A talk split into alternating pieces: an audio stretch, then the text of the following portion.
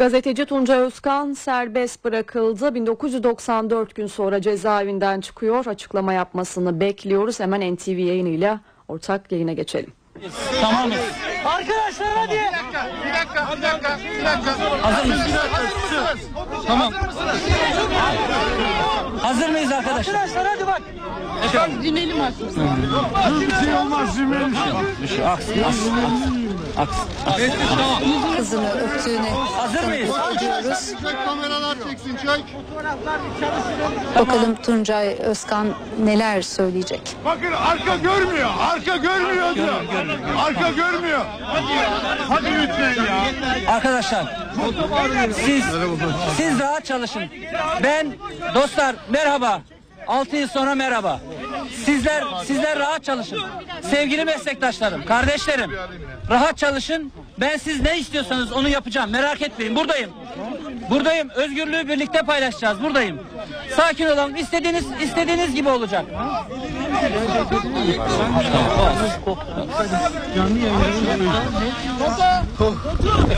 Tamam mıyız? Çok teşekkür ederim. Ya vallahi geliyor, oradan da. Oo Hıdır abi de geldi tamam. Çadır valimiz de geldiğine göre işlem tamam. Tamam. Tuncay Bey buyurun. Arkadaşlar lütfen yeter artık başlayalım.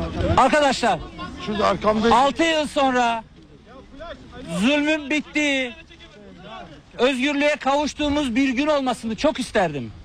6 yıl sonra 6 yıl sonra Türkiye'nin bugün içinde bulunduğu durumun olmamasını çok isterdim.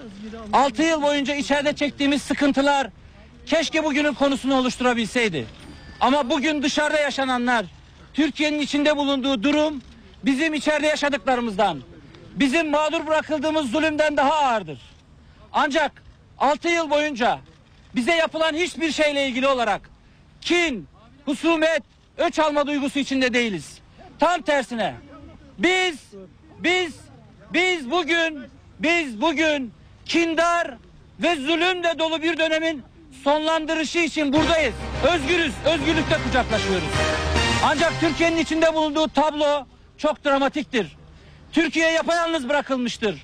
Dostlarından bırak ayrılmıştır. Türkiye'nin içinde bulunduğu tablo uçurumun kenarındaki bir ülke tablosudur.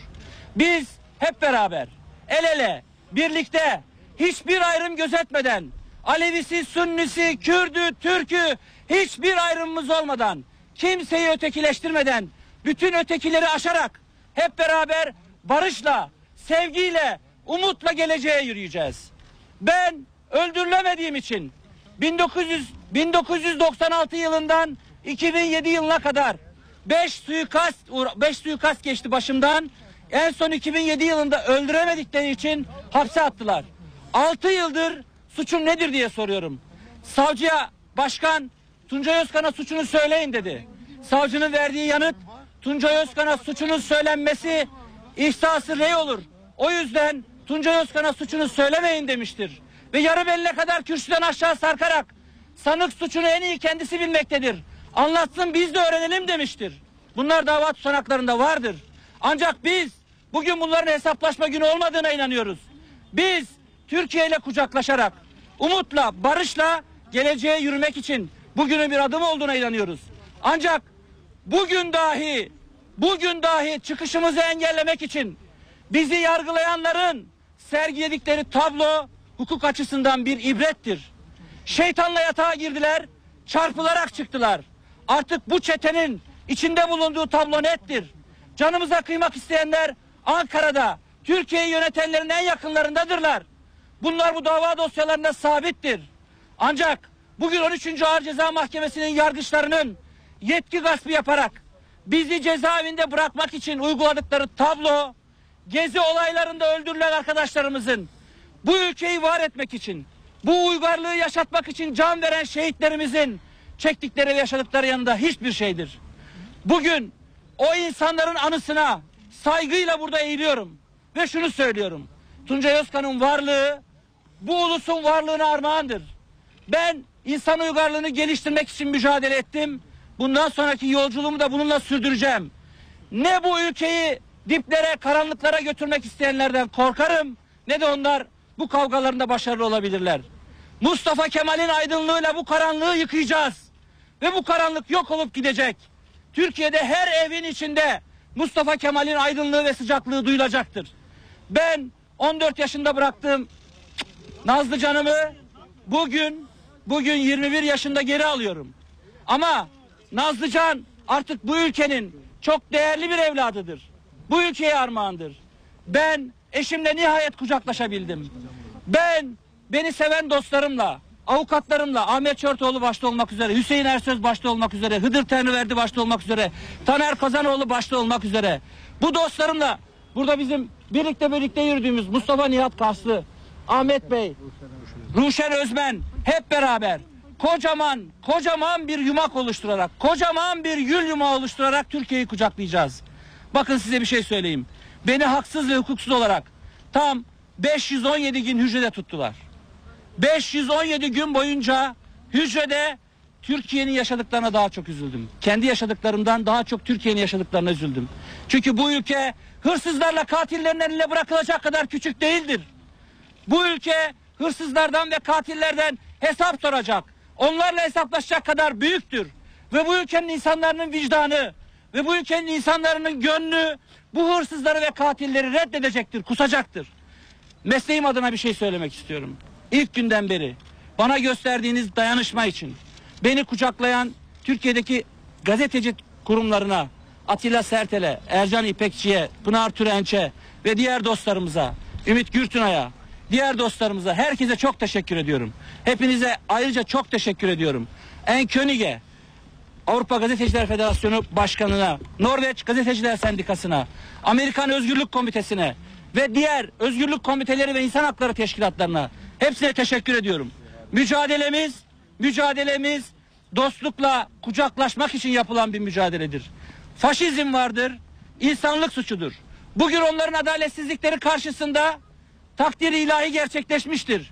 Ve Türkiye'de mahkemeler var diyen mahkemeler bugün adalet yoktur diyen mahkemeleri yerle bir etmişlerdir.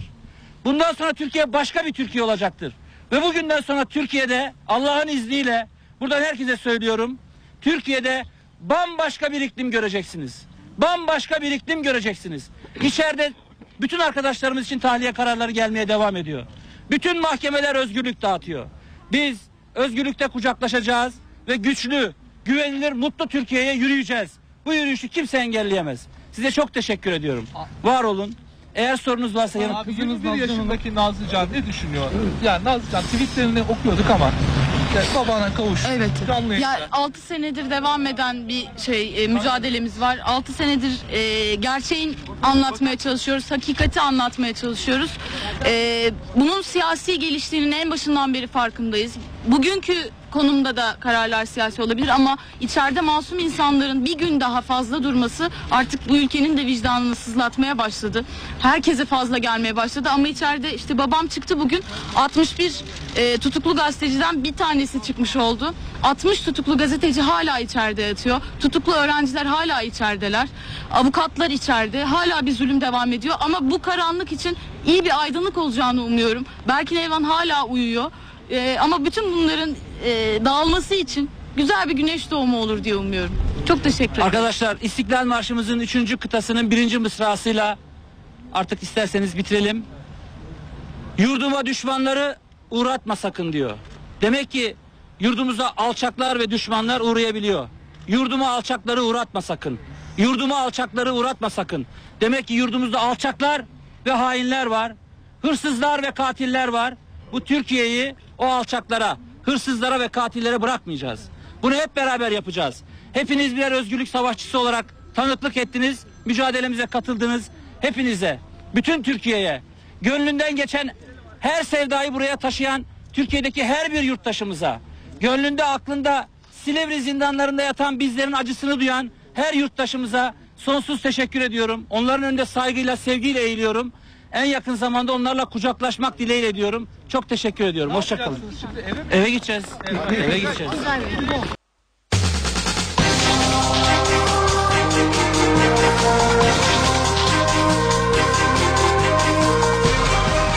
Eve dönerken. Eve dönerken haberlerde az önce Tuncay Özkan'ın açıklamalarını sizlerle paylaştık. Ergenekon davasında gazeteci Tuncay Özkan, Levent Göktay, Sedat Peker, Dursun Çiçek ve Alparslan Arslan tahliye edildi. 1994 gün sonra cezaevinden çıkan Tuncay Özkan'ın açıklamalarını dinledik. Yaşananlar bizim gördüğümüz zulümden daha ağır dedi. Bugün dahi çıkı- çıkışımızı engellemek için ellerinden geleni yaptılar şeklinde konuştu. Evet özel yetkili mahkemeler kaldırıldı. Uzun tutukluluk süresi 5 yıla indirildi ve tahliyeler de ard arda geldi. Bugün 7 sanığın tahliyesine karar verilirken Ergenekon davasına bakan 13. Ağır Ceza Mahkemesi 35 sanığın tahliye talebini reddetti. Mahkemenin gerekçesi özel yetkili mahkemelerin kaldırılması anayasaya aykırı. Meclis özel yetkili mahkemeleri kaldıramaz şeklinde oldu. Mahkemeler arasındaki görüş farklılığı bugünün tartışma konusu. Önce tahliyesine karar verilenlere bakalım. NTV muhabiri Deniz Tüysüz Çağlayan Adliyesi'nde 7 sanığın tahliyesine karar veren mahkemenin önünde ve bize gelişmeleri aktaracak. Deniz. Sabah saatlerinden bu yana 4 isim tahliye edildi. İlk olarak İstanbul 21. Ağır Ceza Mahkemesi'nden Ergenekon davası sanıklarından gazeteci Tuncay Özkan, emekli albay Levent Göktaş ve Sedat Peker'in tahliye kararı çıkartıldı. Ardından da 2. Ağır Ceza Mahkemesi avukat Kemal Kerimsiz hakkında tahliye kararı çıkarttı. Peki tahliye gerekçeleri, sebepleri neler? Hemen ondan da kısaca bahsedelim. Sanıkların tutuklu kaldıkları süreler, delillerin toplanmış olup kararsızma kuşkusunun kalmaması, sanıkların sabit ikametgah sahibi olması, karar onansa dahi kesinleşebilmesi için geçebilecek muhtemel süre, kararın bozulması halinde telafisi mümkün olmayan mağduriyetlerin neden olabilecek olması, tutuklamanın tedbir olması, benzer konumda tahliye edilmiş sanıkların da bulunması. İşte bu sebeplerden dolayı bu dört isim tahliye edildi. Ancak şunu da hatırlatmakta fayda var. Ergenekon sanıklarından Levent Göktaş ve Tuncay Özkan hakkında da yurt dışına çıkış yasağı konuldu. Şu anda da İstanbul Adalet Sarayı'nda diğer mahkemelerde görüş halinde yaklaşık 8 mahkemede çok sayıda sanığın tahliye talepleri bulunuyor. Örneğin 3. Ağır Ceza Mahkemesi'nde Doğu Perinçek, Veli Küçük, Muzaffer Tekin, Levent Ersöz'ün de aralarında bulunduğu 12 kişinin tahliye talepleri bulunuyor. 8. Ağır Ceza Mahkemesi'nde yine Ergenekon'un tutuklu sanıklarından Profesör Doktor Yalçın Küçük'ün tahliye talepleri duruyor. İşte bu tahliye talepleri şu anda mahkeme heyetleri tarafından değerlendiriliyor. NTV muhabiri Deniz Tüysüz Çağlayan Adliyesi'nden bize son bilgileri aktardı. Şimdiki durağımızsa Silivri olacak. 7 sanığa tahliye, diğer sanıklara da tahliye beklentisiyle yüzlerce sanık yakını Silivri cezaevi önünde toplanmış durumda. Şimdi oradan notları alalım. NTV muhabiri Burak Özcan telefon attığımızda. Burak seni dinliyoruz. Çağlayan'da 21. Ağır Ceza Mahkemesi'nden ilk tahliye kararının gelmesinin ardından Silivri'deki heyecanın, Silivri'deki kalabalığın daha da arttığını söyleyebiliriz. Az önce Tuncay Özkan'ın ailesiyle görüştük. Onlar buradaydı. Tuncay Özkan'ın ablasıyla görüştük. Tuncay Özkan'ın kızı içeride. O da babasının tahliyesini bekliyor. Biz e, sabah saatlerinden beri buradaydık. Gelişmeleri takip ediyorduk. Çağlayan'dan gelecek kararı bekliyorduk ancak Evet 13. Ağır Ceza Mahkemesi Ergenekon davası sanıklarının tahliye taleplerini özel yetkili mahkemeleri meclis değil Hakimler ve Savcılar Yüksek Kurulu kaldırabilir gerekçesiyle reddetti. Bu karara Hakimler ve Savcılar Yüksek Kurulu'ndan yanıt geldi. HSYK 1. Daire Başkanı İbrahim Okur 13. Ağır Ceza Mahkemesi'nin verdiği karar yanlıştır. Özel yetkili mahkemelerin kalkmasıyla birlikte 13. Ağır Ceza Mahkemesi artık işlem yapamaz ifadesini kullandı. Mahkemenin özel yetkili mahkemeleri ancak HSYK kaldırabilir gerekçesini de reddeden okur. Mahkemeleri kurma ve kaldırma yetkisi meclisindir dedi. Şimdi siyasilerden gelen açıklamalara bakalım. Adalet Bakanı Bekir Bozdağ mahkeme takdir hakkını kullandı. Tahliye kararlarında uzun tutukluluk süresinin kısaltılması etkili oldu diye konuştu. Mahkemelerin verdiği kararların gerekçesini bilemiyorum. Hangi gerekçeyle red kararı verdi, diğer mahkemede hangi gerekçeyle tahliye kararı verdi bilmiyorum. Tabi bildiğiniz gibi son yapılan yasal düzenleme ile tutuklamadaki azami süre terörle mücadele kanunu kapsamındaki suçlar için 10 yıldan 5 yıla çekildi. Tabi 5 yılın üzerinde tutuklu bulunanlar bu kanun yürürlüğe girdiği tarihten itibaren e, tahliye edilmeleri gerekiyor. Eğer bu gerekçeye dayanı olarak tahliye etmişlerse tabi o mahkemenin e, bir takdir hakkıdır. Kanuna uygun bir karar olduğunu söyleyebilirim. Ama bir de mahkum olduktan sonra tahliyeler var. Ona ilişkin e, tahliye e, daha doğrusu e, şöyle ifade edeyim. Tutukluluktaki azami sürenin hesabı tutuklanma kararının uygulanmaya başladığı tarih ile mahkum olma kararının verildiği tarih arasında geçen süredir. E, Yargıtay'ın Anayasa Mahkemesi'nin bu yönde kararları vardır. E, reddeden mahkeme bu gerekçeye istinaden mi reddetti yoksa başka bir gerekçeyle mi reddetti onu da bilmiyorum. Esasında gerekçeyi görerek değerlendirme yaparsak daha isabetli olur. CHP lideri Kemal Kılıçdaroğlu'nun da açıklamasını hemen aktaralım sizlere. Kılıçdaroğlu, Tuncay Özkan'ın tahliyesiyle ilgili son derece mutluyum. Tabii bu arada tahliye talepleri reddedilenler de var. Aslında tümünün tahliye edilmesi lazım diye konuştu. Bunu da not olarak aktaralım ve hemen NTV akşam haberleriyle ortak yayına geçelim. Ediyor.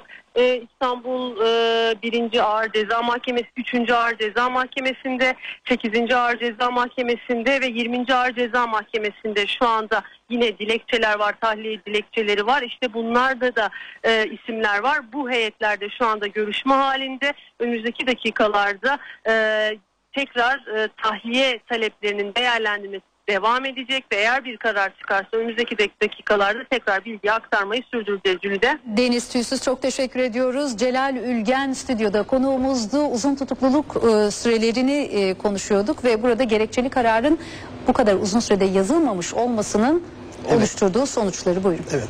Evet. Şimdi gerekçeli karar e, zamanında yazılmış olsaydı e, dosya bir ay içerisinde Yargıtay'a gidecekti ve Yargıtay'da e, tutukluların e, avukatları e, dilekçe vererek e, özgürlüklerinin e, sağlanmasını isteyebilecekti. Bunu yapmadıkları için e, yaklaşık 7 aylık bir ihlal anayasa ve Avrupa İnsan Hakları Sözleşmesi ihlali doğmuştur. Bu ihlal nedeniyle Anayasa Mahkemesi e, İlker Başbuğ kararında, bireysel başvuru kararında ihlal tespit etmiştir. Peki e, İlker Başbuğ'a uygulanan bir ihlal ya da o davada söz konusu olan bir ihlal diğer sanıklar için de uygulanabilir mi? Evet. Elbette. Bu nedenle de e, diğer sanıkların da tahliyesi gündeme gelmiştir. Peki onu da biraz irdeleyelim çünkü emsal oluşturur mu, oluşturur mu İlker Başbuğ kararı çok konuşuldu. Şimdi bugün gerekçeyi de okuduğumuzda deniliyor ki tutuklama bir tedbirdir. Benzer konumda olan sanıklar tahliye edilmiştir. Bu nedenle söz konusu durum adalet duygularını incitebilir e, denildi. Dolayısıyla bu emsal oluşturacak durum ve de gerekçeli karardaki bu cümleler mevcut davaları nasıl etkiler? Şimdi bütün davalarda eğer aynı koşullar varsa ve aynı statüde sanıklar varsa hepsine uygulanır. Örneğin e, 13. Ağır Ceza Mahkemesi talepleri reddetmişti e, benzer durumda olanlar için ama 12. Ağır Ceza Mahkemesi herhangi bir talep olmamasına karşın e, Anayasa Mahkemesi'nin bu kararı bütün sanıklar için geçerlidir diyerek e, Poyrazköy davası sanıklarını tahliye etmişti. Yani doğrusu budur. Bir anayasa mahkemesi ihlal tespit ediyorsa bu ihlali gidermek için yeni bir başvurunun yapılmasını beklemek anayasa ihlalini sürdürür. Şimdi burada herkes tek tek müracaat etti. Buna gerek var mıydı? Ee, hayır yani çünkü e, bir ihlal meydana gelmişse aynı ihlali yaşayanlar için bu karar uygulanabilir. Ama pratikte bizde öylesine zor günler geçirdik ki bu nedenle herkes aman ben de e, başvurayım bulunsun diye Anayasa Mahkemesi'ne gitti. Aslında tek bir kişinin başvurması bile yeterliydi. Ee, şimdi e, tabii Diyarbakır'da görülen KCK ana davası da var. Burada da e, tutuklu 92 sanığın tahliyesi için avukatları mahkemeye başvurdu. E, burada süreç nasıl işler o da önemli çünkü. Aynı bakın e, ister KCK davası olsun, ister e, balyoz olsun, ister Ergenekon olsun. Eğer aynı statüye tabi sanıklar varsa KCK'da da, örneğin orada da 5 yıldan fazla tutuklular varsa bir gün bile beklenmemesi lazım. E, örneğin orada da karar yazıldığı halde uzun süredir bekliyor ve tutukluluğu incelenmiyorsa insanlar orada da aynı şekilde e, özgürlük gelmesi gerekir. Ama bir de bunların altında temel bir e, olay var. Yani hem KCK davasının hem Balyoz Ergenekon davasının altında yatan bir gerçek var. Başbakan da bunu söylüyor. Diyor ki yargı içerisine sızmış bir çete var. Eğer bu çete KCK, Balyoz, Ergenekon bu gibi davalara etki etmişse, delil üretmişse ya da bir takım gerçekleri görmezden gelmişse o takdirde temel görevlerden birisi bu çeteyi ortaya çıkartmak ve deşifre etmektir. Bu çetenin neden olduğu mahkumiyetleri de gidermektir. Onlara yeniden itibar kazandırmaktır. İade-i itibara gitmektir. Sayın Ülgen e, bir ara daha verelim. hay. Silivri'den Yağız Şenkal karşımızda. E, Yağız Tuncay Özkan 1994 gün sonra serbest bırakıldı. Çıkışta bir de açıklama yaptı. O konuşmadan başlıkları aktarır mısın? Jüli'de 23 Eylül 2008 10 Mart 2014 senin de söylediğin gibi 1994 günlük tutukluluk yaklaşık 5,5 yıllık bir tutukluluk. Tunca Özkan az önce şu anda tam da bu yayını yaptığım yerdeydi. Tam burada kameraların karşısına meslektaşlarına konuştu. 6 yıllık tutukluluğum bitti dedi.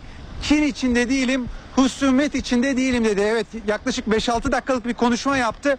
Bu konuşmada bu mesajları verdi. Öne çıkan cümleleri bunlardı. Kin ve husumet içinde değilim dedi. Kindar ve zulümle dolu bir dönem bugün itibariyle sona erdi dedi Tunca Özkan, gazeteci Tunca Özkan. Ben 19 1996'dan 2007'ye kadar 2007'ye kadar 5 kez suikast tehdidi aldım. Suikast düzenlediler. Beni öldüremeyince içeri attılar, hapse attılar. 6 yıldır savcıya suçum ne diye soruyorum ancak bir yanıt alamıyorum dedi Tunca Özkan. Bugünkü gelişmeleri de değindi.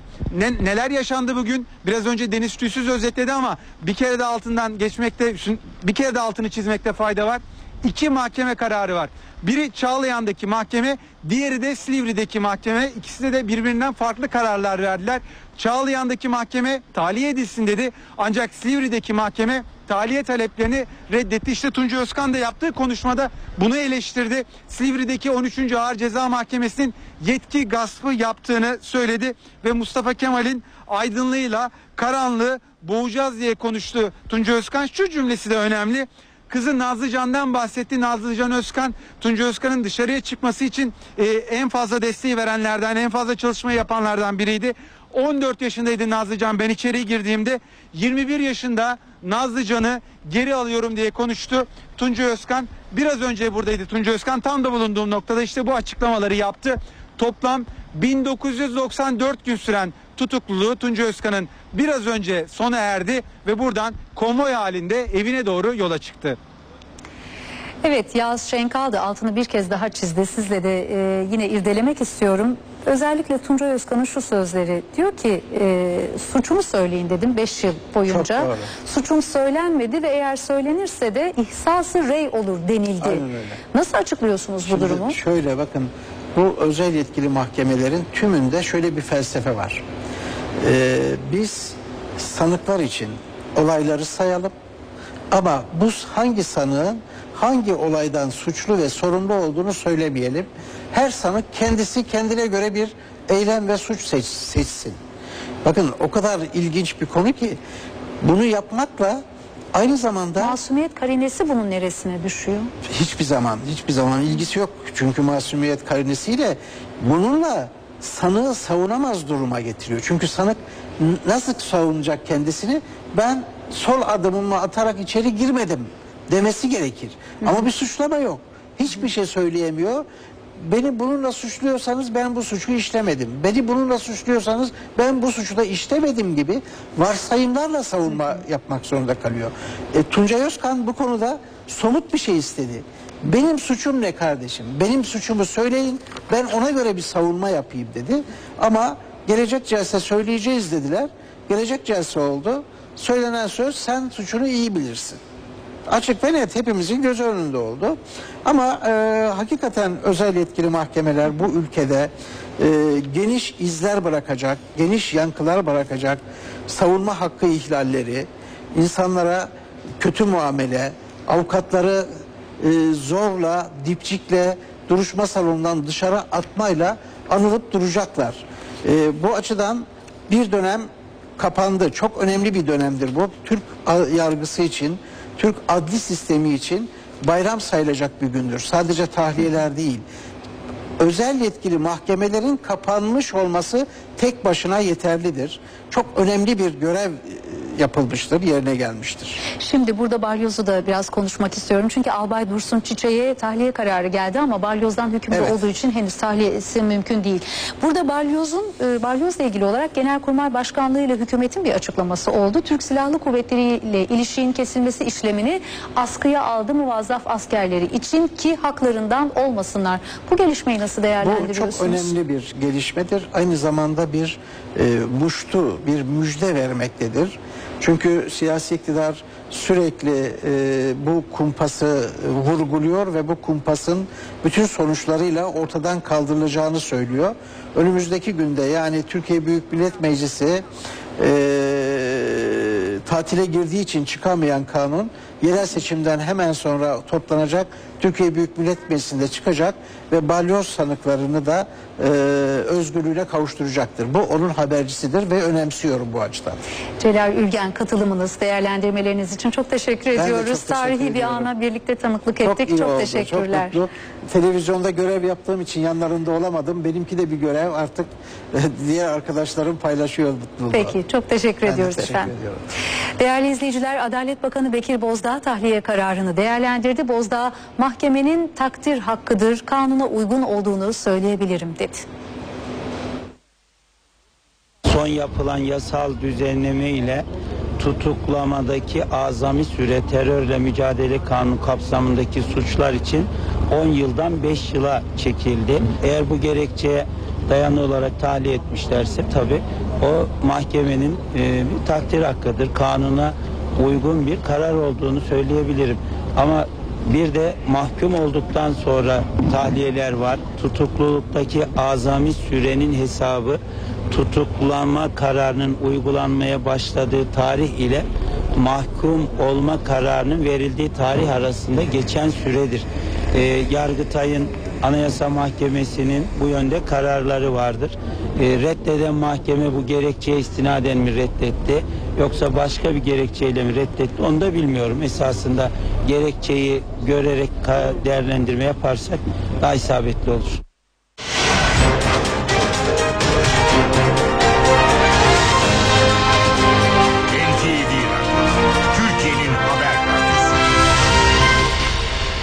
Eve dönerken haberlere devam ediyoruz. İlk olarak günü kısaca özetleyelim. Özel yetkili mahkemeler kaldırıldı. Uzun tutukluluk süresi 5 yıla indirildi ve ard arda tahliyeler de başladı. Bugün 7 sanığın tahliyesine karar verildi. Gazeteci Tuncay Özkan, Levent Göktaş, Kemal Kerinsiz, Alparslan Arslan, Dursun Çiçek ve İbrahim Şahin için tahliye kararı çıktı. Bu arada balyoz davasında cezası onanan emekli albay Dursun Çiçek'in cezaevinden çıkamayacağını söyleyelim. Ergenekon davasına bakan 13. Ağır Ceza Mahkemesi 35 sanığın tahliye talebini de reddetti. Mahkemenin gerekçesi özel yetkili mahkemelerin kaldırılması anayasaya aykırı. Meclis özel yetkili mahkemeleri kaldıramaz oldu. Yani mahkemeler arasındaki görüş farklılığı bugünün tartışma konusu. Eve dönerken haberlerde şimdi spor diyelim. Zira gözler bu akşam oynanacak ve NTV Radyo'dan da naklen yayınlanacak olan Trabzonspor Fenerbahçe maçında Volkan Küçük'ten ayrıntıları alalım. NTV Radyo spor haberleriyle karşınızdayız. Spor Toto Süper Lig'de de hafta dev bir maçla kapanıyor. Bu akşam Trabzonspor lider Fenerbahçe'yi konuk edecek. Hüseyin Avni Aker stadındaki mücadele saat 20'de başlayacak. Zorlu maçı hakem Bülent Yıldırım yönetecek. Sarı lacivertlerde sakatlığı süren Bruno Alves ve cezalı Christian kadroda yok. Ev sahibi Trabzonspor'da ise sakatlıkları süren Maluda, Bamba ve Kadir Keleş, Fildis sahili milli takımı kampından geç dönen Zokora, Avust- Avustralyalı forvet Mark Yanko ve kalp rahatsızlığı geçiren Emre Gülal Fenerbahçe maçının 18 kadrosuna yer almıyor. Spor Toto Süper Lig'de haftanın en dikkat çekici maçında Trabzonspor'a konuk olacak Fenerbahçe'de teknik direktör Ersun Yanal kadrosunu şekillendirdi. Hüseyin Avni Aker stadında oynanacak maçta Sarı Lacivertlilerin kalesini Volkan Demirel koruyacak. Savunmanın sol tarafında Caner Erkin, sağ tarafında ise Gökhan Gönül forma giyecek. Teknik direktör Yanal iki futbolcudan sezon başından bu yana olduğu gibi hücuma sık sık destek vermesini istedi. Sakatlığı süren Bruno Alves'in yokluğunda savunmanın ortasında Egemen Korkmaz'la Bekir İrtegün'ün oynaması bekleniyor. Ancak Egemen'in sakatlığı Yanal'ı düşündürüyor. Sol dizinde ağrı olan deneyimli oyuncunun çekilen MR'ında kanama tespit edildi. Maçta forma giymek isteyen Egemen Trabzon'a götürüldü. Ancak kadroda olup olmayacağına maç saatinde karar verilecek. Yanal orta sahada Mehmet Topal, Emre Belezoğlu ve Alper Potuk üçlüsünü oynatmayı planlıyor. Ancak formda olan Raul Meireles de ilk 11'de olmak istiyor. Yanal ilk etapta Portekiz oyuncuyu yedek kulübesinde tutmayı ve oyunun gidişatına göre hamle oyuncusu olarak sahaya sürmeyi düşünüyor. Fenerbahçe'nin forvet hattında ise alışılan üçlü görev yapacak. Milli takım dönüşü formda bir görüntü çizen Emanuel Emenike ile birlikte Musa Sol ve Dilkayt hücum hattını oluşturacak. Öte yandan sakatlığını büyük ölçüde atlatan Pierre Webo da Trabzon kafilesine dahil edildi. Kendini iyi hissettiğini söyleyen golcü futbolcunun maç kadrosunda olması bekleniyor. Beşiktaş'a kötü haber. Eskişehir spor maçında sakatlanan Ömer Şişmanoğlu'nun bugün yapılan kontrolünde sağ adalesinde ikinci derece yırtık tespit edildi. Eskişehir Sporu son dakika golüyle yenen siyah beyazlara maçta sakatlık yaşayan Ömer Şişmanoğlu'ndan kötü haber geldi. Forvet oyuncusunun bugün yapılan kontrolünde sağ alt arka adalesinde ikinci derece yırtık tespit edildi. En az iki hafta sahalardan uzak kalacak Ömer'in Çaykur Rizespor ve Akhisar maçlarında oynayamayacağı bildirildi.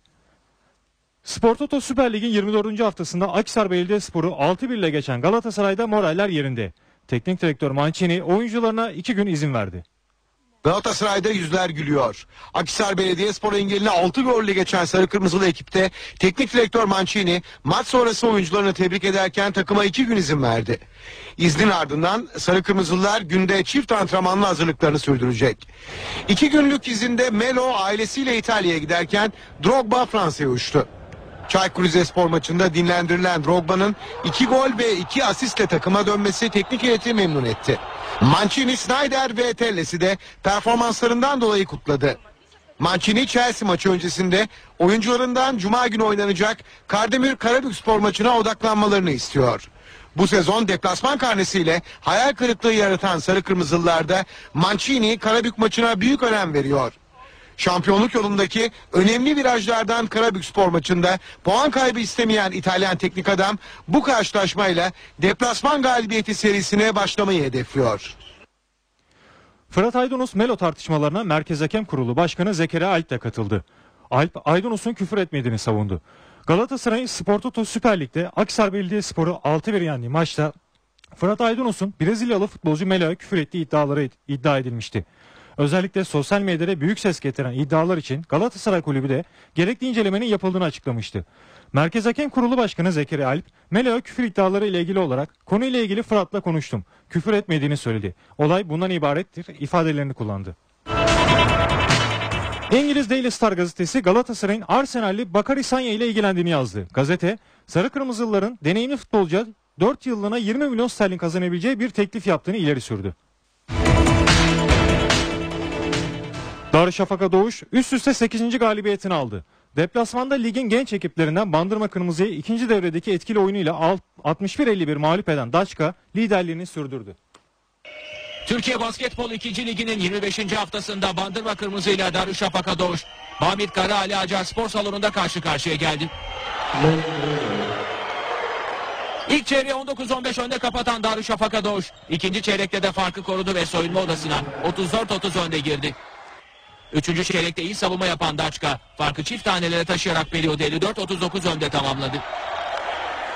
Final periyodunda da oyunun kontrolünü elinde tutan konuk takım sağdan 61-51 galip ayrıldı.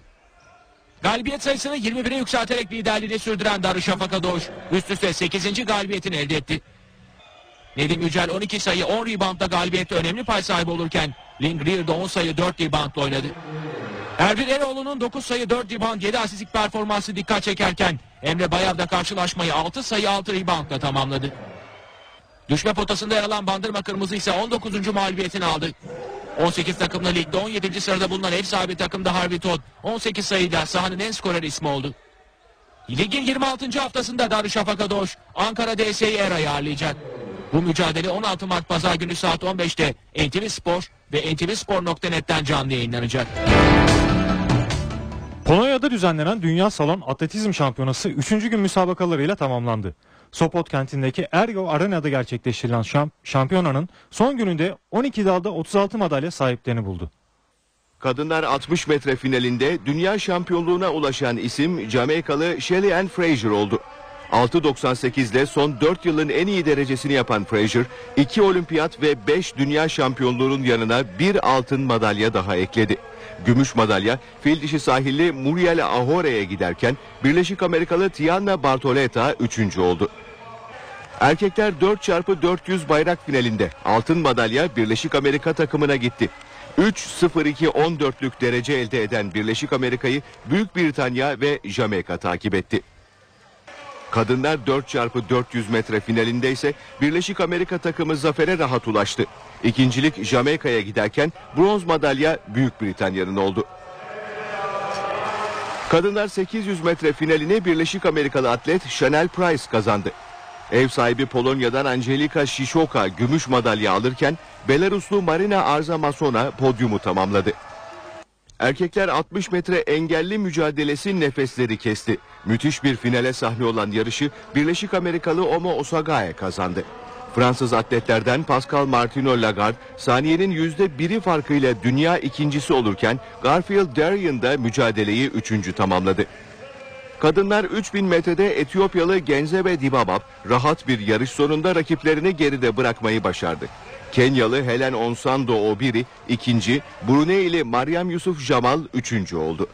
Erkekler 800 metrede son şampiyon Etiyopyalı Muhammed Aman altın madalyayı yine almayı bildi.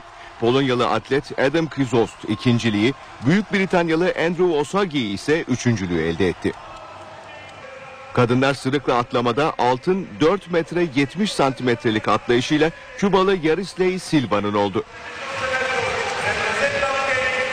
Erkekler 3 adım atlamada dünya şampiyonluğu 17 metre 37 santimetre ile Rus atlet Likman Adams'a gitti. Kadınlar uzun atlamada zaferi Eluse Lesueur elde ederken erkekler yüksek atlamada Mutaz Esa Barşim dünya şampiyonu oldu. Erkekler 3000 metrede Kenyalı Caleb Embangangi birinci, Birleşik Amerikalı Bernard Lagarde ikinci, Etiyopyalı Gejem Gebremeskel üçüncü oldu. Öte yandan şampiyonların ikinci gününde 1500 metre finalinde yarışan ve 5. olan atletimiz İlham Tanui Özbilen Yeni Zelandalı atletin diskalifiye edilmesiyle dördüncü ilan edildi. Bu haberle spor bültenimizin sonuna geldik. Hoşçakalın. Volkan Küçük'e teşekkür edelim. Maçla ilgili yorumları NTV Radyo'da saat 19.10'da başlayacak Çift Forvet programında dinleyebilirsiniz. Cem Dizdar ve Gürcan Bilgiç'in yorumlarından sonra devre arası ve maç sonunda %100 futbolda yine NTV Radyo'da yayınlanacak bu hatırlatmayı da yapalım. Ve hemen gündemde öne çıkan gelişmelere kısaca göz atalım. Anayasa Mahkemesi'nin eski Genelkurmay Başkanı İlker Başbuğ'un itirazını haklı bulması, özel yetkili mahkemelerin kaldırılması ve tutukluluk süresinin 5 yıla indirilmesinden sonra tahliyeler başladı. Bugün de Ergenekon davası sanıklarından Tunca Özkan, Dursun Çiçek, Alparslan Aslan, Levent Göktaş, Sedat Peker, Kemal Kerinsiz ve Mehmet Eröz'ün serbest bırakılmasına karar verildi. Tuncay Özkan 1994 gün sonra geçtiğimiz dakikalarda Silivri cezaevinden çıktı ve cezaevi kapısında bir açıklama yaptı. Onu da canlı olarak sizlere aktardık. Bir mahkemeden sanıkların tahliyesi kararı çıkarken Ergenekon davasını karara bağlayan 13. Ağır Ceza Mahkemesi ise bazı sanıkların tahliye taleplerini özel yetkili mahkemelerin meclis tarafından kaldırılması anayasaya aykırı gerekçesiyle reddetti. Bir not daha hemen aktaralım sizlere. Dursun Çiçek hakkında verilen tahliye kararına rağmen başka bir davadan tutuklu olduğu için cezaevinden çıkamayacak. Adalet Bakanlığı zirve davası kapsamında uzun tutukluluk gerekçesiyle serbest bırakılan sanıkların kaçacağı şeklindeki tepkiler üzerine sanıklara elektronik kelepçe takıldığını açıkladı. Cumhurbaşkanı Abdullah Gül gezi olaylarında başından yaralanan ve 268 gündür yoğun bakımda olan ve bugün hayati fonksiyonlarının çok yavaşladığı bildirilen Berkin Elvan'ın babasını telefonla aradı. Kumpas açıklaması ordudan atılma işlemlerinin başlatılmasını durdurdu. Genelkurmay yeniden yargılama tartışması sonuçlanana kadar Yargıtay'ın haklarındaki hükmü onadığı balyozdaki muvazzaf subayların emeklilik işlemlerini dondurdu. CHP ve MHP meclise gelen 4 eski bakanla ilgili fezlekelerin genel kurulda okutulması için anlaştı ve iki parti 26 Mart'ta açılacak oturumda tüm milletvekilleriyle hazır bulunacak. Ve Başbakan Erdoğan yerli otomobil yapacak bir baba yiğit arıyoruz demişti ve bir baba yiğit bulundu. Ancak üretilecek otomobil klasik araçlardan değil elektrikli araç olacak diyelim ve Trakya'da kar yağışının da başlay- başladığını belirtelim. Yurt genelinde de sağanak yağış olacak. Evet gündemdeki satır başları böyle.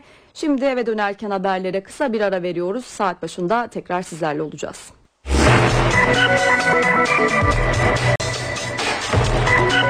Burası NTV Radyo. Saat 18. İstanbul trafiğindeki son durumu sizlere aktaralım. Trafik kontrol merkezinden aldığımız bilgilere göre ilk olarak köprülere bakalım. Boğaziçi Köprüsü Anadolu'ya geçişlerde yoğun akıcı bir trafik var. Ters istikamette Avrupa'ya geçişlerde ise trafiğin açık olduğunu söyleyelim. Fatih Sultan Mehmet Köprüsü'nde de yoğunluk var. Anadolu'ya geçişlerde trafik neredeyse durma noktasında. Ters istikamette Avrupa'ya geçişlerde de etkili bir yoğunluk söz konusu. Ok Meydanı'ndan Boğaziçi Köprüsü'ne kadar aşırı yoğun bir trafik var. Tekstil kentten yine Hastal'a kadar da etkili bir yoğunluk var. Ters istikamette de yoğun akıcı bir trafik sizleri bekliyor.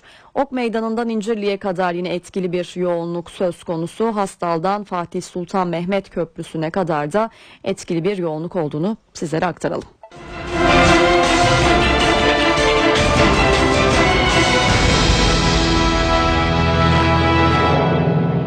NTV Radyo'dan iyi akşamlar. Saat 18. Ben Sultan Arınır. Eve dönerken haberlerde ilk olarak günün öne çıkan başlıklarını aktaralım.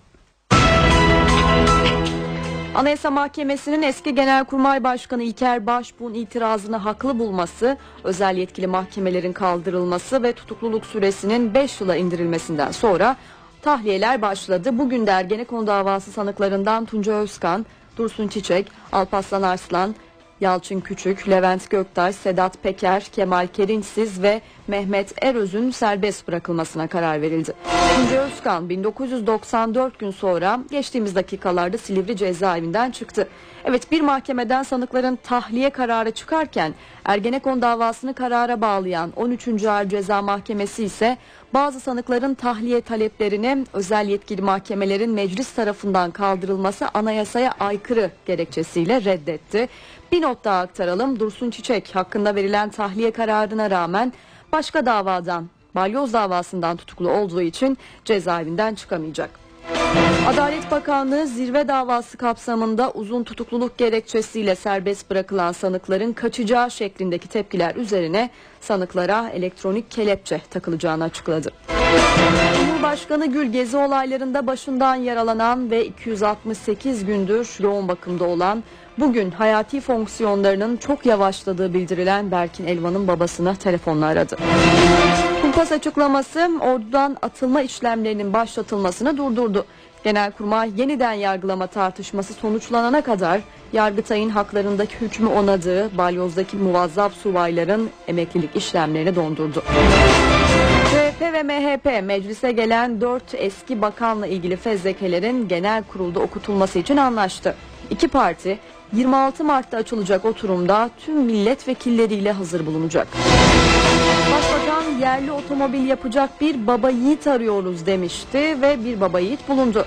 Ancak üretilecek otomobil klasik araçlardan değil elektrikli araç olacak. Ve hava durumuna ilişkin bir not aktaralım. Trakya'da kar yağışı başladı ve yurt genelinde de sağanak yağış var.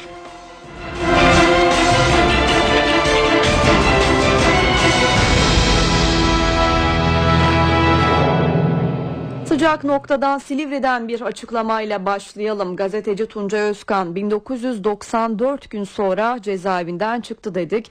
Özkan çıkışta bir de açıklama yaptı. Yargılama sürecini ve davayı karara bağlayan İstanbul 13. Ağır Ceza Mahkemesi'ni eleştirdi dinleyelim. 6 yıl sonra özgürlüğe kavuştuğumuz bir gün olmasını çok isterdim. 6 yıl sonra 6 yıl sonra Türkiye'nin bugün içinde bulunduğu durumun olmamasını çok isterdim. 6 yıl boyunca içeride çektiğimiz sıkıntılar keşke bugünün konusunu oluşturabilseydi. Ama bugün dışarıda yaşananlar, Türkiye'nin içinde bulunduğu durum bizim içeride yaşadıklarımızdan, bizim mağdur bırakıldığımız zulümden daha ağırdır. Ancak 6 yıl boyunca bize yapılan hiçbir şeyle ilgili olarak kin, husumet, öç alma duygusu içinde değiliz. Tam tersine biz biz biz bugün Biz bugün kindar ve zulümle dolu bir dönemin sonlandırışı için buradayız. Özgürüz, özgürlükle kucaklaşıyoruz. Ancak Türkiye'nin içinde bulunduğu tablo çok dramatiktir. Türkiye yapayalnız bırakılmıştır. Dostlarından bırak ayrılmıştır. Türkiye'nin içinde bulunduğu tablo uçurumun kenarındaki bir ülke tablosudur. Biz hep beraber, el ele, birlikte, hiçbir ayrım gözetmeden, Alevisi, Sünnisi, Kürdü, Türkü, hiçbir ayrımımız olmadan, kimseyi ötekileştirmeden, bütün ötekileri aşarak, hep beraber barışla, sevgiyle, umutla geleceğe yürüyeceğiz. Ben öldürülemediğim için 1900 1996 yılından 2007 yılına kadar 5 suikast 5 suikast geçti başımdan. En son 2007 yılında öldüremedikleri için hapse attılar. 6 yıldır suçum nedir diye soruyorum.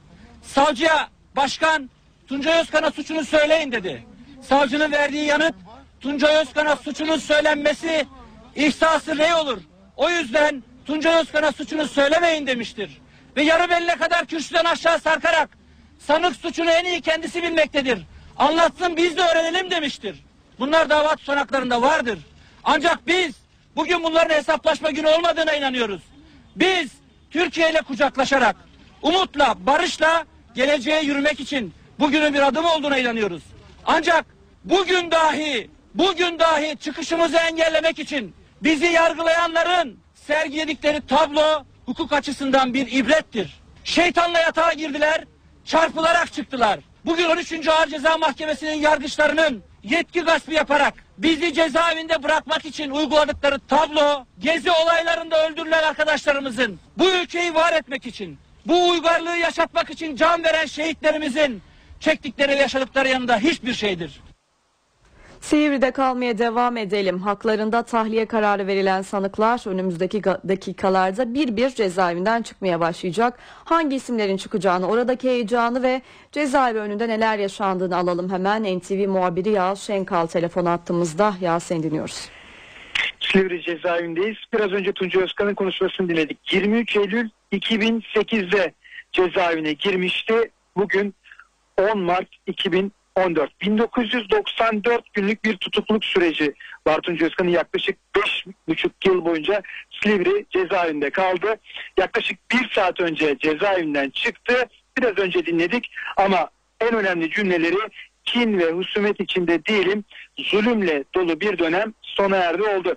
Tuncay Özkan çıktıktan hemen sonra Levent Göktaş da emekli albay o da tahliye oldu. Buradan çıktı cezaevinden çıktı.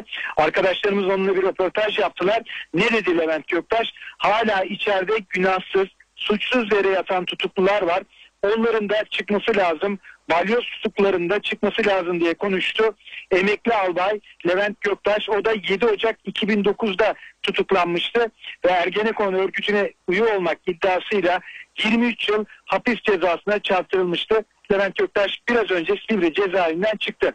Şimdi bugün mahkemeler toplam 8 kişi hakkında tahliye kararı verdi. Tuncay Özkan'la Levent Göktaş Silivri cezaevinden çıktılar. İleriki saatlerde de Sedat Peker'in, Kemal Kerinsiz'in çıkmasını buradan çıkmalarını bekliyoruz. Yalçın Küçük hakkında biraz önce mahkeme bir karar verdi. Yalçın Küçük de serbest bırakılacak isimler arasında. İbrahim Şahin eski özel harekatçı polis. İbrahim Şahin de serbest kalacak. Alparslan Aslan bu da flash bir isim. Danıştay saldırısının faili Alparslan Aslan da serbest kaldı. Haftada 3 gün boyunca polis merkezine giderek Alparslan Aslan imza atacak. Polise imza verecek. Dursun Çiçek emekli albay Dursun Çiçek'le tahliye edilenler arasında irticayla mücadele eylem planını hazırlayanlardan olduğu iddia edilmişti. Dursun Çiçek'in ancak balyoz hükümlüsü olduğu için balyoz hükümlüsü olduğu gerekçesiyle Dursun Çiçek tahliye edilmesine rağmen cezaevinden çıkamayacak. Bir bilgi daha var Alparslan'la ilgili ancak henüz kesin netleştirdiğimiz bir bilgi değil. Mahkeme Alparslan, Alparslan Aslan hakkında bir tahliye kararı verdi ancak kesinleşmiş 4 yıl 2 ay cezası olduğu, olduğu için Alparslan Aslan'ın tahliye edilemeyeceği belirtiliyor. Ee, buradaki iddialardan biri bu ancak henüz kesinleştirdiğiniz bilgi değil ancak Alparslan Aslan mahkeme tarafından tahliye edilmesine rağmen duruşmalarda hakimlere yönelik tavırları yüzünden aldığı cezalar nedeniyle tahliye edilemeyeceği cezaevinden çıkamayacağı belirtiyor Alparslan Aslan'ın. Bunun da önümüzdeki yayınlarda ileriki yayınlarda tam kesinleştirdiğimizde e, kesin net bilgiler vereceğiz. Evet bir özetlemek gerekirse mahkemeler 8 kişi hakkında bugün 8 Ergenekon zanlısı e, sanığı hakkında tahliye kararı verdi. Tunca Özkan'la Levent Göktaş biraz önce Silivri cezaevinden çıktılar. Sedat Peker, Kemal Kerimsiz ve Yalçın Küç, İb- İbrahim Şahin ve Yalçın Küçük'ün de birazdan çıkmasını bekliyoruz. Dursun Çiçek balyoz hükümlüsü olduğu için cezaevinden çıkamayacak.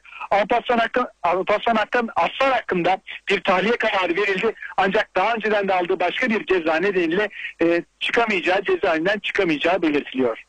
Yağız Şenkal teşekkür ediyoruz. Evet Yağız'ın Yağız Şenkal'ın da aktardığı üzere cezaevinden çıkacak isimlerden biri de Danıştay saldırısını gerçekleştiren isim Alparslan Aslan. Tahliye edilemeyeceği belirtiliyor dedi Yağız Şenkal. En azından bir iddia olarak bunu söyleyelim kesinleşmiş değil. Ancak Aslan'ın tahliye edilecek olmasına kanlı eylemde hayatını kaybeden Danıştay 2. Daire üyesi Mustafa Yücel Özbilgin'in oğlu Gökhan Özbilgin tepki gösterdi. Özbilgin bugün babam bir kez daha şehit oldu dedi. Gökhan Özbilgin bir kişiyi öldürüp dört kişiyi yaralayan bir saldırganın tahliye edilmesi kabul edilemez diye konuştu. Tutukluluk süresinin 5 yıla indirilmesiyle zirve yayın evi davasında 5 sanığın da tahliye edilmesi kaçacaklar gerekçesiyle tepki yaratmıştı. Adalet Bakanlığı'ndan bugün bu tepkilere bir cevap geldi. Serbest bırakılan sanıklardan dördüne elektronik kelepçe takıldığı bildirildi. Yaşadığı bölgede GSM hattı çekmediği için elektronik kelepçe takılamayan diğer sanığa sabit telefon hattı üzerinden elektronik kelepçenin uygulanmaya çalışıldığı bildirildi. Bakanlık bu kapsamda teknik çalışma başlatıldı şeklinde bir açıklama yaptı. Malatya'da 3 kişinin boğazı kesilerek öldürüldüğü zirve yayın evi cinayetleri davasında 5 sanık uzun tutukluluk süresinin 5 yıla indirilmesi üzerine serbest bırakılmıştı. Tahliye edilen sanıklar üçer kez ağırlaştırılmış müebbetle yargılanıyor. Ve orduya kumpas açıklaması balyoz sanığı askerlerin Türk Silahlı Kuvvetlerinden atılmasını durdurdu. Balyoz'dan hüküm giyen muvazzaf subayların ordudan atılmaları ve sivil cezaevine nakledilmeleri bekleniyordu ancak Başbakanın Başdanışmanı Yalçın Akdoğan'ın orduya kumpas kuruldu çıkışının ardından Genelkurmay Başkanı devreye girdi ve işlemi askıya alındı. Balyoz davası kapsamında tutuklanan muvazzaf askerlerin Türk Silahlı Kuvvetleri ile ilişkinin kesilmesi işlemi askıya alındı. Ayrıca bu askerler askeri cezaevinden sivil cezaevine nakledilmedi. Hükümet ve Genelkurmay Başkanlığı paralel devlet tartışmalarıyla ortaya çıkan orduya kumpas kurulduğu iddiası üzerine Balyoz davasında tutuklanan askerlerle ilgili süreci bekletme kararı aldı. Balyoz kararlarının Yargıtay tarafından onanmasıyla 128 muvazzaf askerin Türk Silahlı Kuvvetleri ile ilişkinin kesilmesi ve bu isimlerin sivil cezaevlerine nakledilmesi gerekiyordu. İstanbul 10. Ağır Ceza Mahkemesi ilgili mercilere mahkumiyet kararlarını gönderdi. Ancak Genelkurmay Başkanlığı ve hükümet yetkilileri uzlaşarak bu süreci dondurdu. Askeri kaynaklar bu kararın muvazzaf askerlerin hak mahrumiyetinin önüne geçmek ve özlük haklarını korumak için alındığını bildirdi.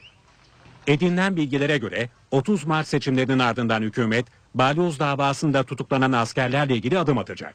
Bu karar emeklilik hakkını kazanamayan personel açısından kritik önem taşıyor. Balyoz davasında halen askeri cezaevinde bulunan 128 muvazzaf asker bulunuyor. 13 general ve amiralin yer aldığı muvazzafların 95'i albay, 15'i yarbay, 4'ü binbaşı ve 1'i yüzbaşı rütbesinde. Sevgili dinleyenler ard arda tahliye kararları geldi gün içinde. Yeni bir sıcak bir haberi de hemen sizler, sizlerle paylaşalım. Emekli generaller Hasan Iğsız ve Şener Er Uygur için de tahliye kararı çıktı. Ve böylece tahliye edileceklerin sayısı tahliye kararı çıkan isimlerin sayısı da ona yükseldi diyelim. Devam edelim. Gezi Parkı eylemlerinde başına isabet eden gaz bombası nedeniyle yaralanan ve 267 gündür yoğun bakımda olan Berkin Elvan'ın yaşam ve boyun fonksiyonlarının azaldığı açıklandı. Elvan ailesinin avukatı Evrim Deniz Karatan'a 15 yaşındaki Berkin Elvan'ın durumunun 3 gün önce geçirdiği epilepsi krizinin ardından ağırlaştığını söyledi. 2 gün önce 15 dakika boyunca kalbi duran Berkin'in akciğerinde hava deliği oluştu, beyin fonksiyonları azaldı ve iç organlarındaki hasar büyüdü. Berkin Elvan vurulduğunda 45 kiloydu ancak bugün 16 kiloya düşmüş durumda. Cumhurbaşkanı Abdullah Gül de bugün Berkin Elvan'ın babasını aradı. Gül telefon görüşmesinde yaşananlara çok üzüldüğünü, ailenin acısını paylaştığını söyledi. Cumhurbaşkanı Berkin Elvan'ın yaralandığı günden beri sağlık durumunu yakından takip ettiğini de belirtti. Gül'ün yapabileceğimiz bir şey olursa lütfen haber verin demesi üzerine baba Elvan hastane önüne gelmek isteyenlere polisin müdahale ettiğini söyledi. Cumhurbaşkanı da gereken özenin gösterilmesi, daha hassas davranılması için İstanbul valisini arayacağını ifade etti. Diyelim bu haberle birlikte kısa bir araya gidelim. Eve dönerken devam edecek. Eve dönerken haberlere devam ediyoruz. Ergenekon davasında ard arda tahliye kararları çıktı. Hala da benzer haberlerin devam ettiğini söyleyelim. Tahliye edileceklerin sayısı artıyor. Geçtiğimiz dakikalarda emekli generaller Hasan Iğsız ve Şener Eruygur için de tahliye kararı çıktığını söylemiştik. Mehmet Ali Çelebi, Merdan Yanardağ ve Alaaddin Sevim için de yine tahliye kararı çıktığını sizlerle paylaşalım ve böylece tahliye edileceklerin sayısı da 13'e yükselmiş oldu. Ve hemen liderlerin seçim turuyla devam edelim. Başbakan Recep Tayyip Erdoğan bugün Ağrı'daydı. Cemaatin çözüm sürecini baltalamak istediğini belirtti başbakan ve milli irade hırsızlığı yapmak isteyenlere izin vermeyeceklerini söyledi. 12 yıl boyunca biz ülkemize, milletimize hizmet mücadelesi verirken birileri de bize çelme takmanın gayreti içine girdiler. Bunun en somut örneğini çözüm sürecinde gördük. Biz 12 yıldır topraklarımıza akan kanı, topraklarımıza düşen gözyaşlarını dindirmek için çırpınıyoruz. Birileri de bizi durdurmanın mücadelesini verdiler. Şu anda da veriyorlar. 17 Aralık ve 25 Aralık darbe girişimlerini de en başta çözüm sürecini ortadan kaldırmak için yaptılar. Ne diyorlar? Yolsuzluk ve rüşvet. En büyük yolsuzluk, en büyük hırsızlık milli irade hırsızlığıdır. Bize yolsuzluk ve rüşvet iftirası atanlar aslında milli iradeyi çalarak yolsuzluğun ve hırsızlığın en büyüğünü yapmak istediler. Kardeşlerim biz bu milletin bir kuruşunu yedirmedik, yedirmeyiz. Milletin iradesini de gasp ettirmeyiz. Ana muhalefet lideri Kemal Kılıçdaroğlu da Karadeniz'in ardından Doğu Anadolu turuna çıktı ve Kılıçdaroğlu Ardahan'daki mitingde seçmenlere seslendi. Hiçbir zaman kaplaşmayacağız. Ayrışmayacağız. 76 milyon insan kardeşçe yaşayacağız. 76 milyon yurttaşıma, kardeşime umut vaat ediyorum. Barış vaat ediyorum. Kardeşlik vaat ediyorum. Huzur vaat ediyorum. Cumhuriyet Halk Partisi'ne oy versin vermesin. Hiçbir ayrım yapmayacağım. Bu benim sözümdür. Bu ülkede vatandaşın gidip istediği partiye oy verebilir. Hiç itirazım yok. Demokrasinin de gereğidir. Ama oyunu kullanırken vatandaşların temiz siyasetten yana oy kullansın. Düzgün siyasetten yana oy kullansın. Kul hakkı yemeyenlerden yana oy kullansın. Eğer siyasetçinin sorunu işsizliği önle, önlemek ve önleyemiyorsa ona dersini vermek milletin oyunu olur. MHP lideri Devlet Bahçeli de Samsun'daydı. Bafra'da konuştu Bahçeli. 17 Aralık operasyonu üzerinden başbakanı eleştirdi. Parti teşkilatına da 30 Mart için uyarılarda bulundu. Yolsuzluk ve rüşvet olayı toplumu çürütür, devleti çökertir. Aynen kangren gibidir, kanser gibidir. Sayın Başbakan kalkıp yolsuzluk ve rüşvetin üzerine gitmemekte inat etme. Bana komplo yaptılar, bana montaj yaptılar diye konuyu saptırma. E montajla araştır. Biz mi araştıracağız? Sen başbakansın, devleti bugün yönetiyorsun. Elinde teknik elemanlar var, müesseseler var, üniversiteler var, ses mühendisleri var bu ülkede. İki dakika konuştuğun zaman nerenin montaj olduğu belli olur. Bunu niye saklıyorsun? Demek ki bir korkun var. Demek ki bir paniğin var. Ne kadar saklarsan sakla artık ayyuka çıkmıştır. Bunun hesabını er veya geç milletimiz senden sorar. Bu seçimleri Milliyetçi Hareket Partisi olarak önemsiyoruz. Bu seçimlere bütün milletimizin yüksek oranda katılımını istiyoruz. Sandıklarda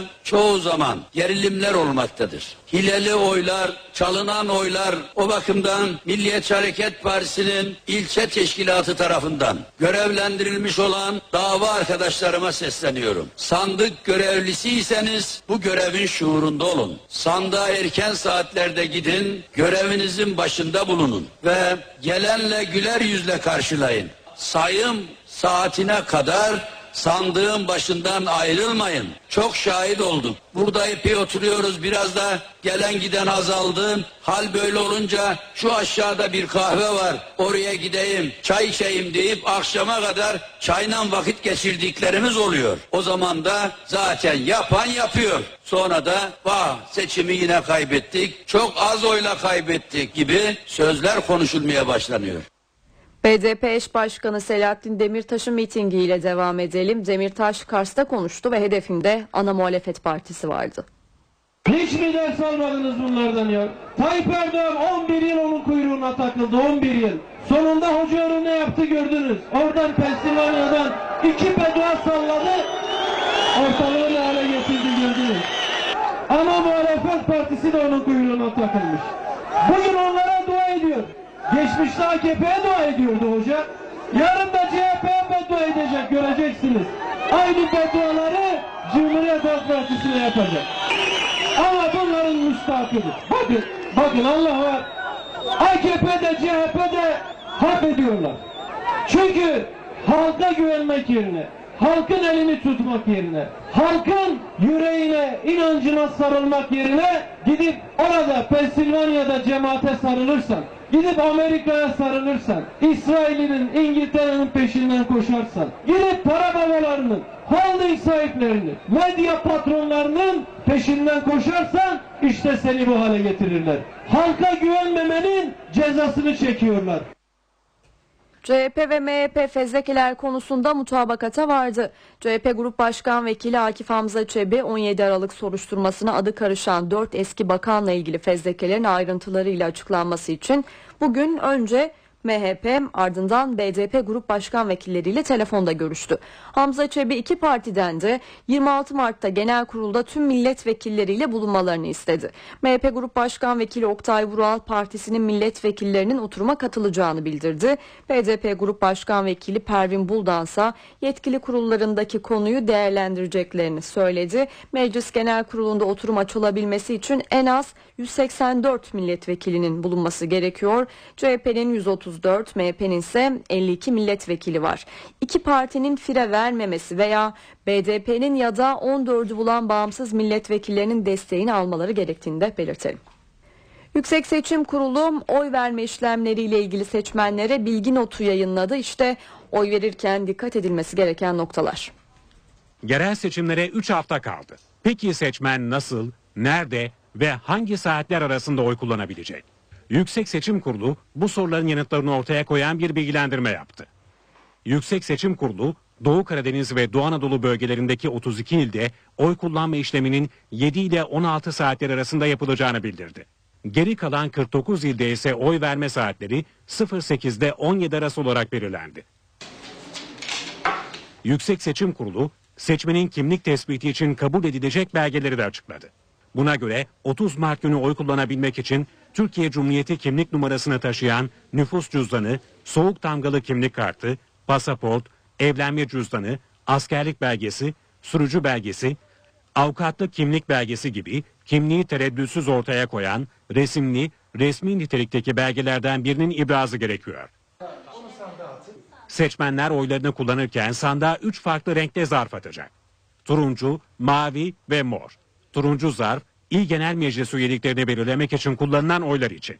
Mavi zarfla Büyükşehir Belediye Başkanları ve Belediye Meclis üyeleri belirlenecek.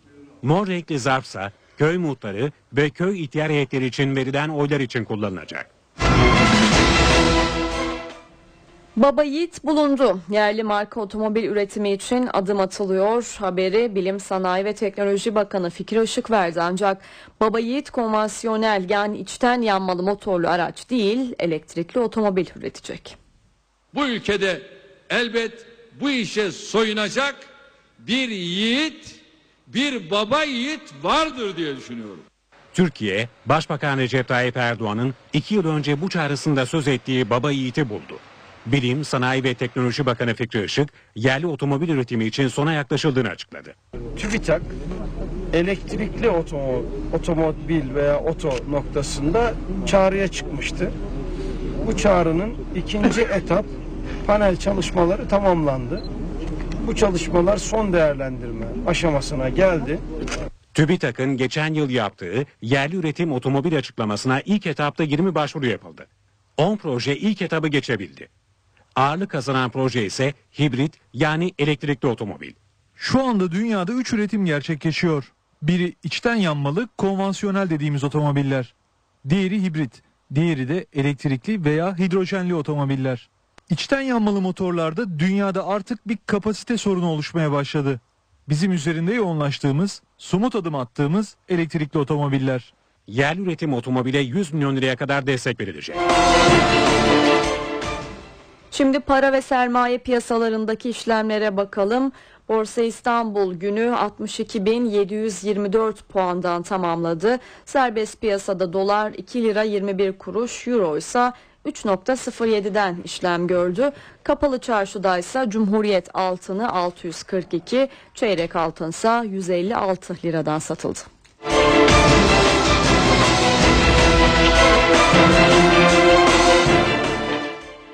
Saatler 18.30'u gösteriyor. NTV Radyo'da eve dönerken haberlere devam ediyoruz. Öne çıkan haberlerin satır başlarını hatırlatalım hemen. Anayasa Mahkemesi'nin eski Genelkurmay Başkanı İlker Başbuğ'un itirazını haklı bulması, özel yetkili mahkemelerin kaldırılması ve tutukluluk süresinin 5 yıla indirilmesinden sonra tahliyeler ard arda geldi. Bugün de gene Ergenekon davası sanıklarından Tuncay Özkan, Dursun Çiçek, Alparslan Aslan, Şener Eruygur, Hasan Iğsız, Mehmet Ali Çelebi, Alaaddin Sevim, Merdan Yanardağ, Yalçın Küçük, Levent Göktaş, Sedat Peker, Kemal Kerinsiz ve Mehmet Eröz'ün serbest bırakılmasına karar verildi. Tuncay Özkan 1994 gün sonra Silivri cezaevinden çıktı. Bir not daha aktaralım. Dursun Çiçek ve Alparslan Aslan haklarında verilen tahliye kararına rağmen başka davadan tutuklu oldukları için cezaevinden çıkamayacaklar. Diyarbakır'da görülen KCK ana davasında da tutuklu yargılanan 92 sanığın tahliyesi için avukatları mahkemeye başvurdu. Adalet Bakanlığı zirve davası kapsamında uzun tutukluluk gerekçesiyle serbest bırakılan sanıkların kaçacağı şeklindeki tepkiler üzerine sanıklara elektronik kelepçe takıldığını açıkladı. Cumhurbaşkanı Gül gezi olaylarında başından yaralanan ve 268 gündür yoğun bakımda olan bugün de hayati fonksiyonlarının çok yavaşladığı bildirilen Berkin Elvan'ın babasını telefonla aradı. Kumpas açıklaması ordudan atılma işlemlerinin başlatılmasını durdurdu. Genelkurmay yeniden yargılama tartışması sonuçlanana kadar Yargıtay'ın haklarındaki hükmü onadığı balyozdaki muvazzaf subayların emeklilik işlemlerini dondurdu. CHP ve MHP meclise gelen 4 eski bakanla ilgili fezlekelerin genel kurulda okutulması için anlaştı. İki parti 26 Mart'ta açılacak oturumda tüm milletvekilleriyle hazır bulunacak. Başbakan Erdoğan yerli otomobil yapacak bir baba yiğit arıyoruz demişti. Bir baba yiğit bulundu ancak üretilecek otomobil klasik araçlardan değil elektrikli araç olacak diyelim ve şimdi İstanbul trafiğindeki son duruma bakalım. Trafik Kontrol Merkezi'nden aldığımız bilgileri hemen paylaşalım. Sizlerle ilk olarak Boğaz köprülerine bakacağız. Boğaziçi Köprüsü Anadolu'ya geçişlerde yoğun akıcı bir trafik söz konusu. Hemen ters istikamette Avrupa geçişlerde ise trafik akıcı Fatih Sultan Mehmet Köprüsü'nde ise büyük bir yoğunluk var. Her iki yönde de çift yöne aşırı yoğun bir trafiğin söz konusu olduğunu söyleyelim. Ok Meydanı'ndan Boğaziçi Köprüsü'ne kadar da trafiğin neredeyse akmadığını belirtelim. Yine Hastal'dan Fatih Sultan Mehmet Köprüsü'ne kadar da aynı durum geçerli. Trafik durma noktasında Hastal'dan Tekstil Kent'e kadar da etkili bir yoğunluk var. Eve dönerken devam ediyor. Eve dönerken haberlere devam ediyoruz. İki yıl önce uygulamaya konan 4 artı 4 artı 4 eğitim sistemi öğrencilere yaramadı. Eğitim reformu girişimi 33 ilde eski sistemle ve 4 artı 4 artı 4 ile eğitim gören toplam 2000 öğrenciyle görüştü. Girişim direktörü Batuhan Aydagül ve araştırma koordinatörü Alper Dinçer sonuçları NTV'ye anlattı. 4 artı 4 artı 4 eğitim sistemi değişikliğini yaşayan öğrencilerin not ortalamaları düştü. Eğitim reformu girişimi 33 farklı ilde eski sistemle ve 4 artı 4 artı 4 ile eğitim gören toplam 2000 öğrenciyle görüştü. Hazırlanan rapora göre 2 yıldır uygulanan sistem öğrencilerin hem başarısını hem de psikolojisini etkiledi. Araştırmada yeni sistemle okul saatleri değiştiği için öğrencilerin kahvaltı yapma ve öğle yemeği yeme oranlarının azaldığı tespit edildi. Çocuklarımız eğer beslenemiyorsa bu bütün eğitimde yaptığımız diğer şeylerden hani Fatih olsun, 444 olsun, seçmeli ders olsun, üniversiteye ya da liseye geçiş sınavı olsun çok daha önemli. Yani hepsini bir yere bırakıp Milli Eğitim Bakanı'nın, müsteşarının ve kadrolarının bu konuya akranlarıyla beraber çözüm bulmak için yarın çalışmaya başlaması hakikaten gerekiyor. Öğrenciler spor, müzik ve drama gibi derslerin yerine seçmeli ders olarak en çok matematik ve İngilizce derslerini tercih ediyor. Böyle giderse gerçekten seçmeli dersler kapatılan dershanelerin kurum içindeki farklı şekillerini alma tehlikesi içindeler. Rapor Milli Eğitim Bakanlığı'na sunuldu. Uzmanlara göre sistemin doğru ilerleyebilmesi için öğrenci, öğretmen ve veliler için oryantasyon şart. Türkiye'de 90'lı yılların ortasında yaygın kullanılmaya başlasa da internet bu hafta 25. yaşını kutluyor. İnternetin 25 yılını bugüne gelmesinde rol oynayan önemli kilometre taşlarını çıkardık dinleyelim. Bundan tam 25 yıl önce 12 Mart 1989'da internetin ilk tohumları atıldı. CERN bilim adamlarından İngiliz Tim Berners-Lee, World Wide Web fikrini ortaya atarak internetin kuruluşu için gerekli kodları hazırladı. İnternetin popüler hale gelmesi 4 yıl aldı. İnternet gezgini Mosaic 1994'te piyasaya çıkan Netscape için temel oluşturdu. Bir yıl sonra Microsoft'un Internet Explorer'ı piyasaya sürmesiyle tarayıcı savaşlarının başlaması Netscape'in de sonunu hazırladı. Kullanıcı sayısının hızla artması interneti ticari hayata da soktu. Amazon.com sitesi online kitap satımına 1994 yılında başladı. 1996 yılında Nokia'nın geliştirdiği telefonla internet cep telefonlarına da indi. Hayatın her alanına hızla yayılan internet kanun yapıcılarını da harekete geçirdi. 2001'de Amerika Birleşik Devletleri Mahkemeleri müzik paylaşım servisi Napster'ı telif haklarını ihlal ettiği gerekçesiyle kapattı. Facebook'un kuruluşu ise 2004'te gerçekleşti. Twitter, Instagram ve Foursquare'in de hayata girmesinin ardından en uzak paylaşım mesajı 2012'de geldi. Mars'a gönderilen Curiosity aracı kızıl gezegenden Foursquare'e kaydoldu. 25 yıllık serüvenin sonunda gelinen noktada internet kullanıcı sayısı 2,7 milyar kişiye ulaşmış durumda. Bardağın boş tarafı ise dünya nüfusunun %60'ının hala internet kullanmıyor olması. Şimdi bu gece ve yarın için hava tahminlerini alacağız. NTV Meteoroloji Editörü Gökhan Abur'u dinliyoruz. İyi akşamlar. Hafta sonu Trakya'da başlayan soğuma bugün Marmara'nın tamamı ve Kuzey Ege'de etkisi altına alarak iç kesimlere doğru ilerliyor. İç kesimlerde etkisi altına almasını beklediğimiz soğuk hava özellikle Perşembe günü yurdun büyük çoğunluğunda sıcaklıkları hissedilir derecede azaltacak. Ama Cuma günü Lodos Ege'den başlayarak yeniden yükseltecek. Yarın da yurdun büyük çoğunluğunda yağış var. Yağışlar Trakya'da kar, Marmara'nın yükseklerinde karla karışık yağmur, iç ve doğu kesimlerde ise karla karışık yağmur şeklinde olacak. Havanın daha da soğumasıyla iç ve doğudaki yağışların gece saatlerinde ve çarşamba günü kar ve karla karışık yağmur şeklinde olmasını bekliyoruz. Perşembe günü Batı ve Akdeniz'de yağışlar etkisini kaybederken Doğu Karadeniz ve Doğu'da da aralıklarla devam edecek. Evet İstanbul'da şu an itibariyle yağış aralıklarla devam ediyor. Akşam saatlerinde yüksek kesimlerde hafif de olsa karla karışık yağmur görülebilir. Sıcaklık yarın 6 derece olacak. Yarın akşam yükseklerde yine sulu kar görülebilir. Ankara yarın yağmurlu. Sıcaklık 6 derece. Çarşamba günü hafif kar yağabilir. İzmir'de hava kapalı. Yağış az hissedilen sıcaklık ise 8 dereceye kadar inecek. Hepinize iyi akşamlar diliyorum. Hoşçakalın. Venezuela'da yönetim karşıtlarıyla polis arasında şiddetli çatışmalar yaşanırken devlet başkanı Nicolas Maduro Oscar ödüllü oyuncu Champagne'i ağırladı. Venezuela sokakları haftalardır hareketli.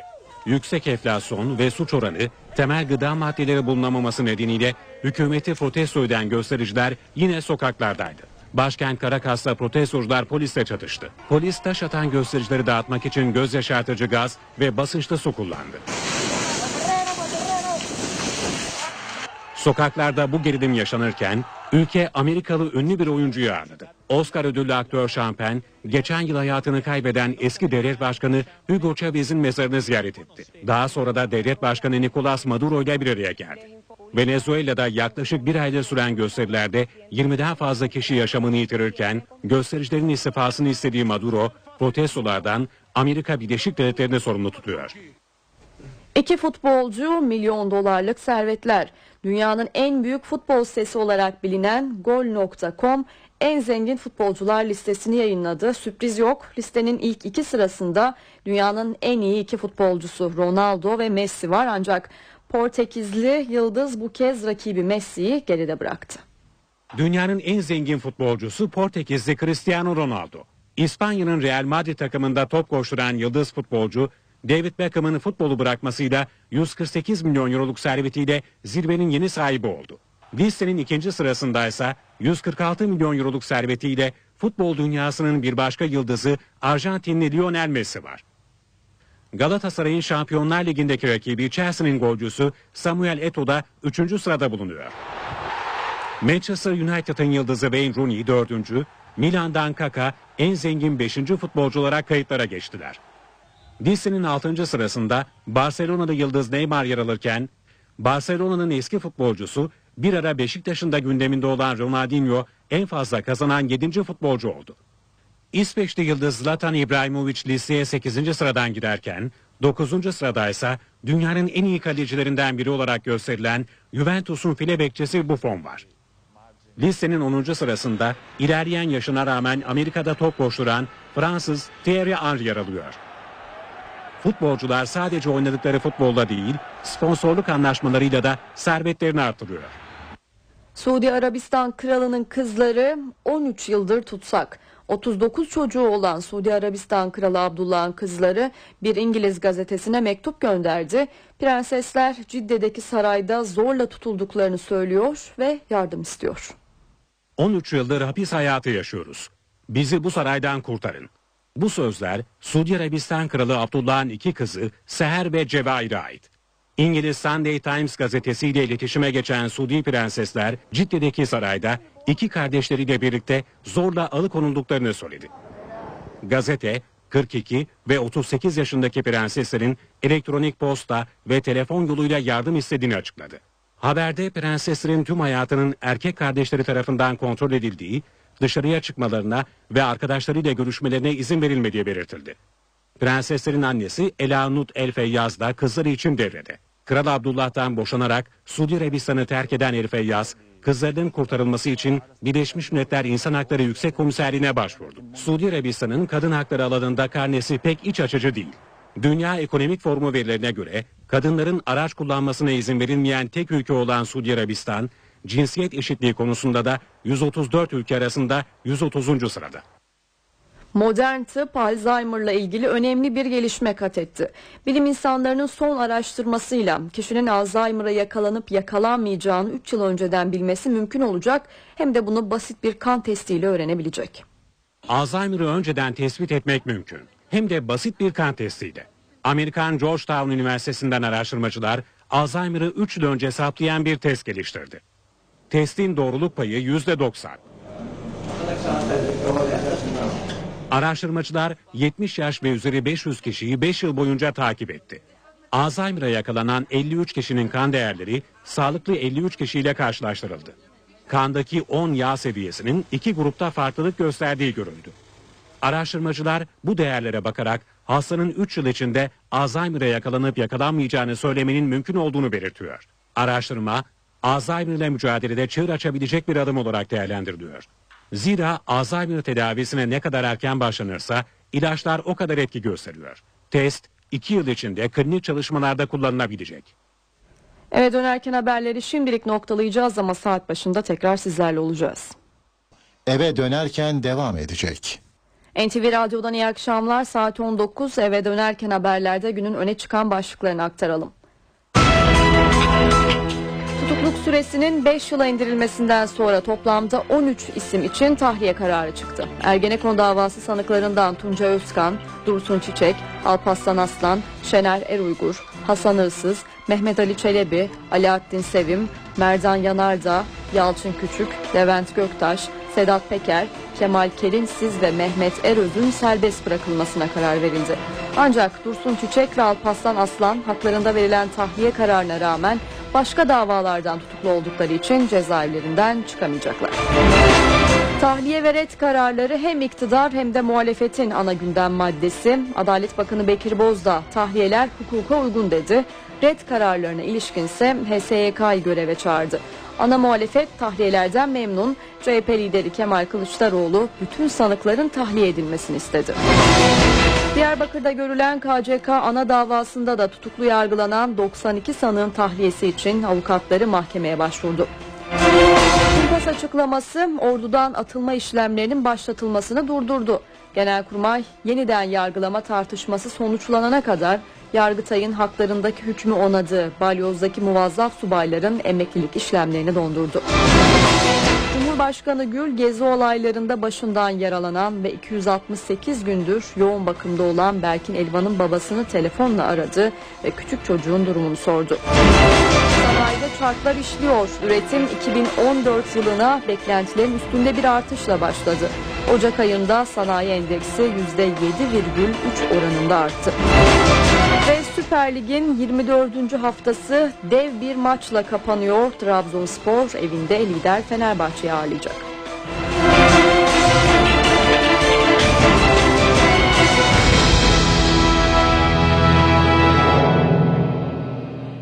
Şimdi İstanbul trafiğindeki son durumu aktaralım. Trafik kontrol merkezinden aldığımız bilgileri paylaşalım sizlerle. Boğaziçi Köprüsü'nde Anadolu'ya geçişlerde yoğun akıcı bir trafik var. Avrupa'ya geçişlerde ise trafik açık. Fatih Sultan Mehmet Köprüsü'nde büyük bir yoğunluk olduğunu söyleyelim. Anadolu'ya geçişlerde trafik neredeyse durma noktasında. Avrupa'ya geçişlerde ise yine aşırı yoğun bir trafik var.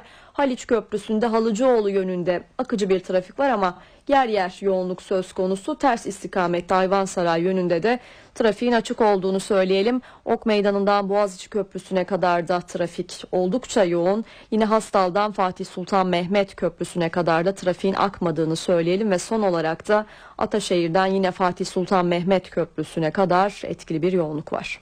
Eve dönerken haberlerin artık sonuna geldik. NTV Radyo'nun yayını kısa bir aranın ardından Cem Dizdar ve Gürcan Bilgiç'in yorumculuğunu yaptığı Çift Forvet programıyla devam edecek. İyi akşamlar.